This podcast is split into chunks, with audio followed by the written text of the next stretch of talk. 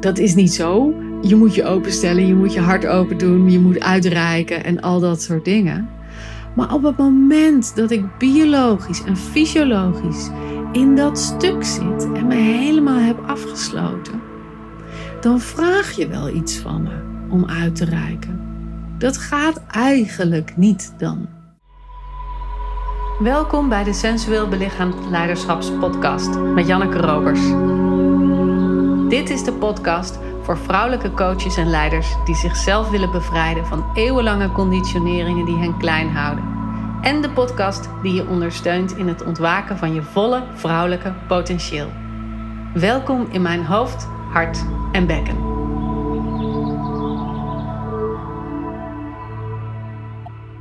Als je al veel persoonlijke ontwikkeling hebt gedaan, dan weet je dat je niets aan de ander kan veranderen, maar alleen iets aan jezelf.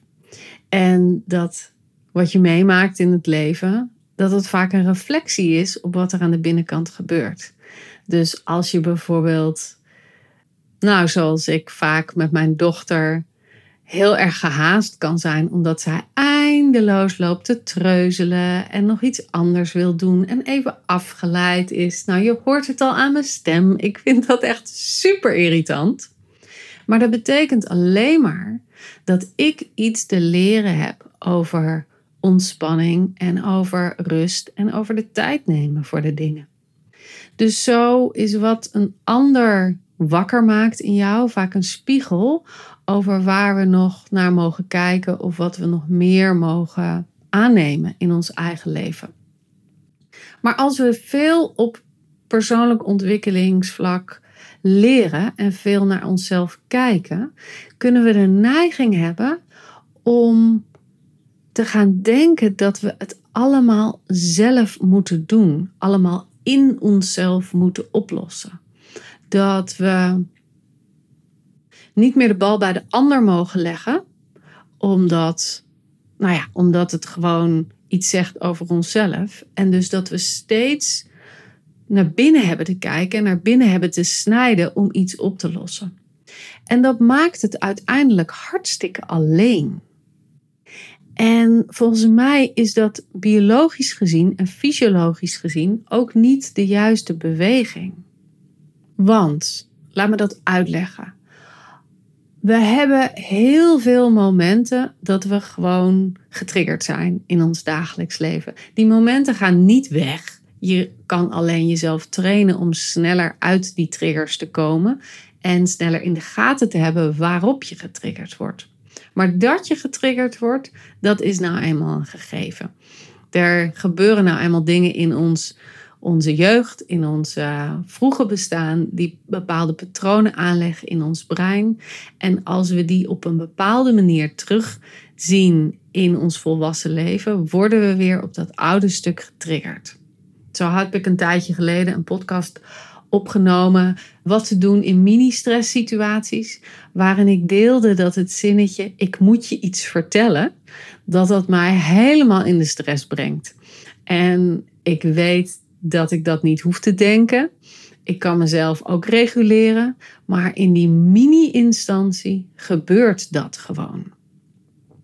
Nou, zo hebben we ook dingen die op een groter niveau ons helemaal doen verkrampen. En misschien gebeurt dat bij jou als je moet spreken voor een grote groep.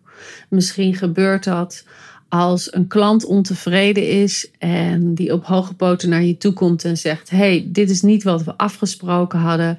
Of ik wil een betere kwaliteit. Of het werkt niet wat je me aanbiedt. Ehm, misschien gebeurt het als je partner tegen je zegt: hey, ik ben het niet eens met deze manier van communiceren of met dit gedrag wat je vertoont.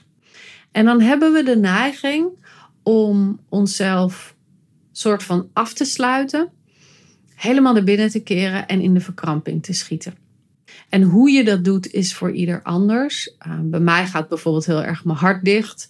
En ik kan merken dat ik echt een hele vette muur tussen mij en de ander zet.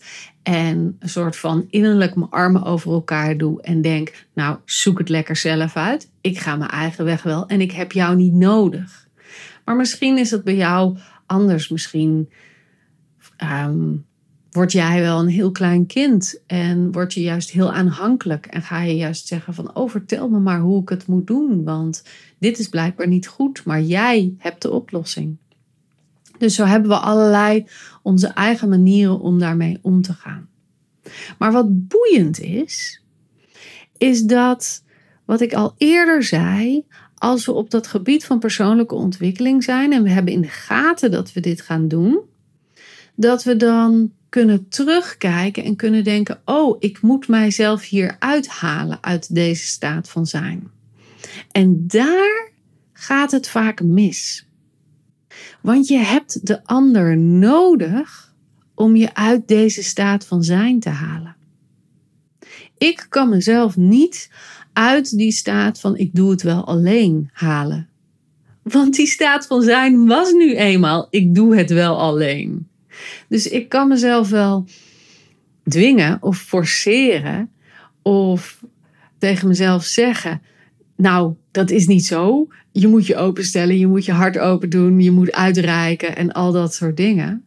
Maar op het moment dat ik biologisch en fysiologisch in dat stuk zit en me helemaal heb afgesloten, dan vraag je wel iets van me om uit te reiken.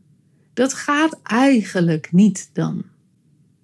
En wat ik vaak zie bij mijn deelnemers, is dat ze dan zeggen: Ik heb even nodig om op mezelf te kunnen zijn. Ik moet even weg. Ik moet even de ruimte uit. Of laat mij maar even alleen. Of ik schuif even uit de cirkel. En dat is een manier om het lijf te reguleren.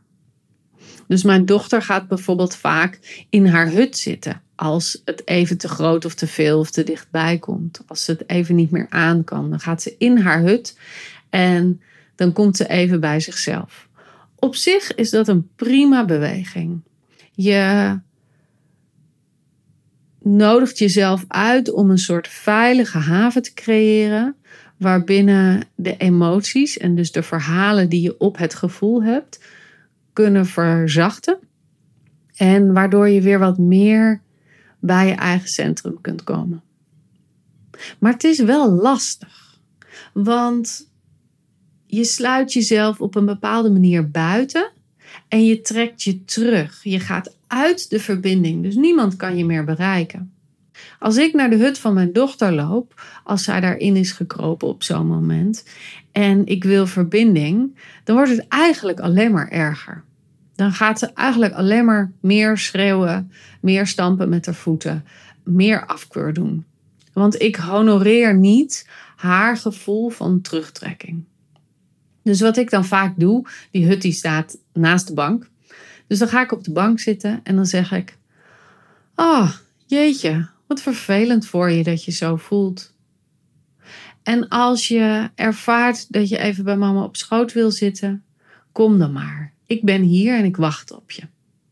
En meestal duurt het dan één of twee seconden en komt ze uit de hut en kruipt ze tegen me aan. Want we willen gehaald worden. We willen verbinding. We willen voelen dat we welkom zijn. Zij als zesjarige, maar jij ook als volwassen vrouw. Ik ook als volwassen vrouw. Wij allemaal. We willen voelen dat we welkom zijn, ook met ons onhandige gedrag. Nou, en wat ik al eerder zei, we hebben de ander nodig. Dus in die momenten dat we in de verkramping zitten en jij het gevoel hebt dat je je wilt terugtrekken, kijk eens of je een andere beweging kunt doen en of je kan vragen of de ander jou haalt. Dus dat is niet uitreiken. Uitreiken is dan echt super lastig. Dat gaat eigenlijk haast niet. Maar je kunt wel vragen aan de ander of de ander jou komt halen. En wat dat komen halen in jouw specifieke geval betekent, weet ik natuurlijk niet.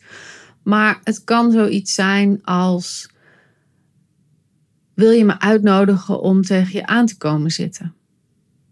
Of wil je even liefdevol naar me kijken? Of wil je even mijn rug masseren? En ik merk nu dat ik zeg wil je, en dat is nog steeds een vorm van uitreiken. Dus het is handig als je dit soort dingen met je partner bespreekt van tevoren, voordat die situaties aandienen, zodat je partner weet wat hij kan doen op de momenten dat jij in dat patroon schiet, zodat je niet hoeft uit te reiken. Want dat is gewoon echt super lastig in die situaties. En we hebben gewoon de neiging om ons terug te trekken, om uit de verbinding te gaan, om op onszelf te zitten, om even te reguleren. En dat is op zich prima. Het is niet fout. Maar het gaat zoveel sneller als de ander jou komt halen. En dan hoef je niet zo eindeloos in die neerwaartse spiraal te zitten. Het is gewoon super prettig als de ander weet wat hij kan doen om je te helpen eruit te komen. En we hebben dus de ander nodig ook om eruit te komen. Want onze eigen breincapaciteit die schrinkt echt fenomenaal naar beneden op het moment dat we getriggerd zijn.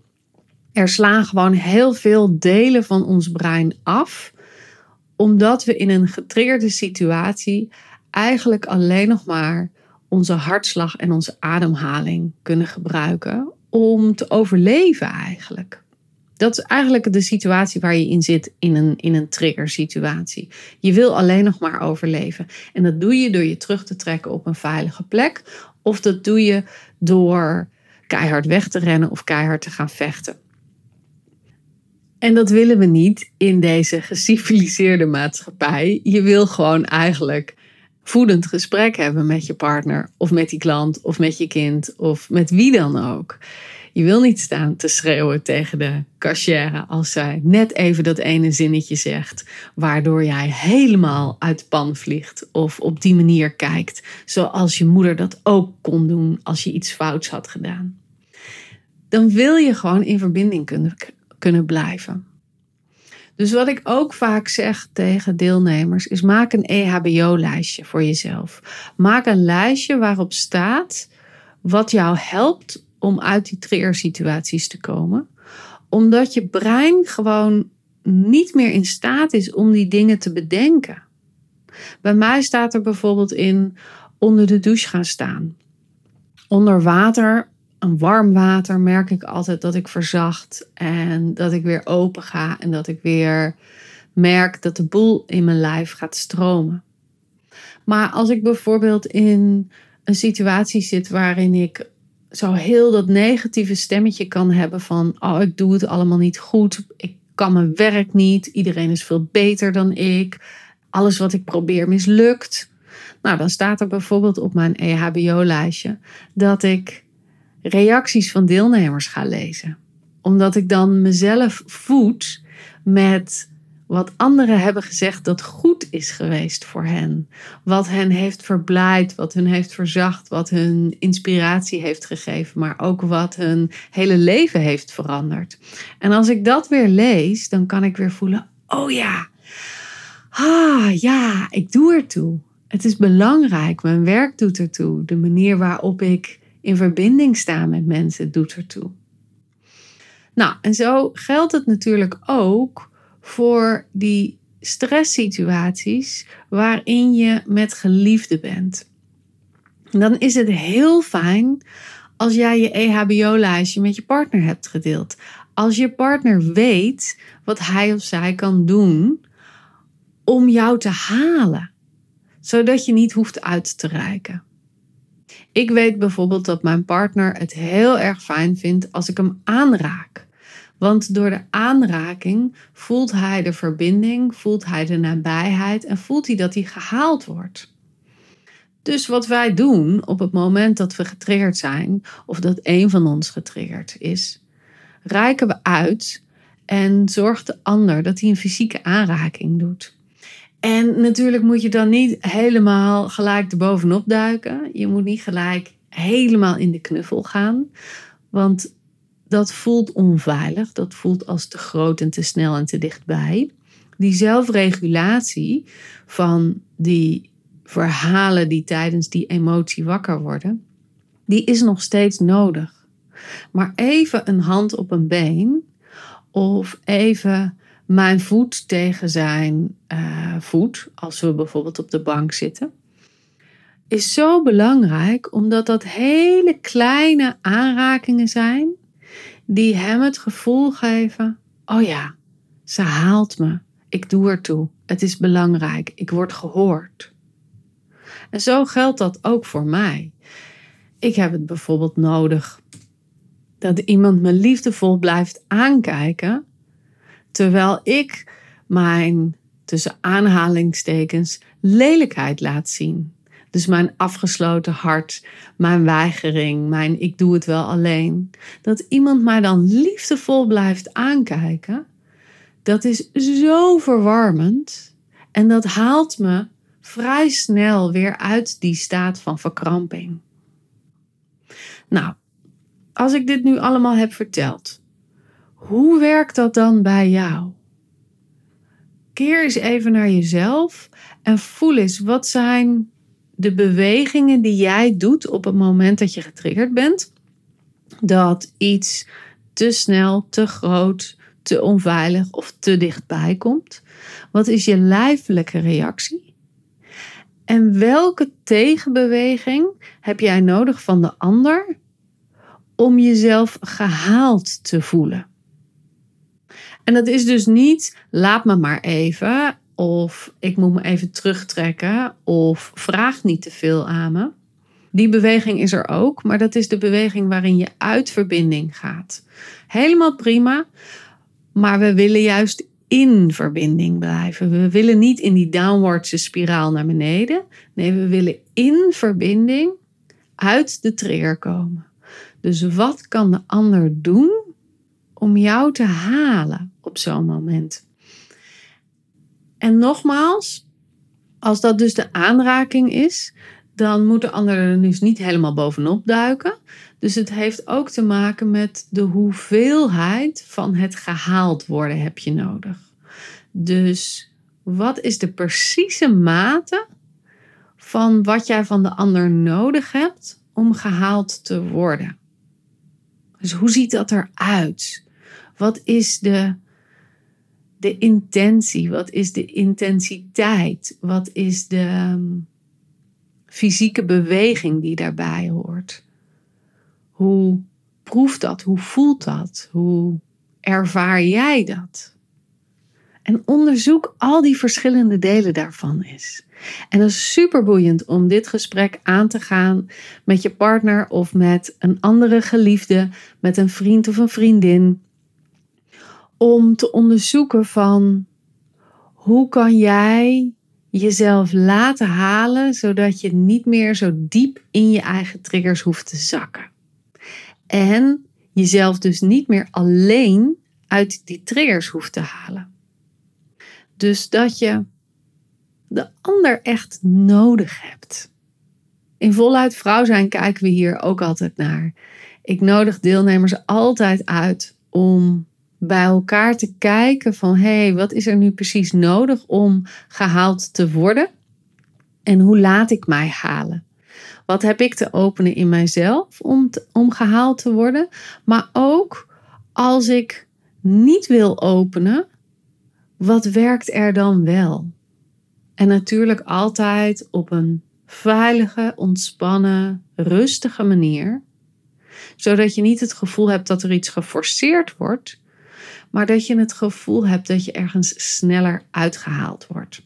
Zoveel fijner om te weten. Dat je niet eindeloos dagen in die, in die boosheid hoeft te zitten, maar dat je jezelf traint om sneller ergens uit te komen en weer voluit van het leven kan genieten. En weer de volle capaciteit van jouw hart, van jouw bekken, van jouw wijsheid kan inzetten in de relatie met de ander. Nou, dat was even mijn verhaal over waarom we wel de ander nodig hebben en waarom we absoluut gehaald moeten worden en waarom we dus niet alles alleen hoeven te doen in die persoonlijke ontwikkeling, maar juist ook de verbinding nodig hebben om zelf sneller uit de triggers te komen. Heeft dit je geholpen? Was dit super waardevol? Dan uh, hoor ik dat graag van je. Stuur me even een DM via Instagram. Vind ik altijd leuk om even een kort gesprekje met je aan te gaan. Want dan weet ik ook wie er luistert en ehm, waar jij behoefte aan hebt. En wil je mijn persoonlijke begeleiding?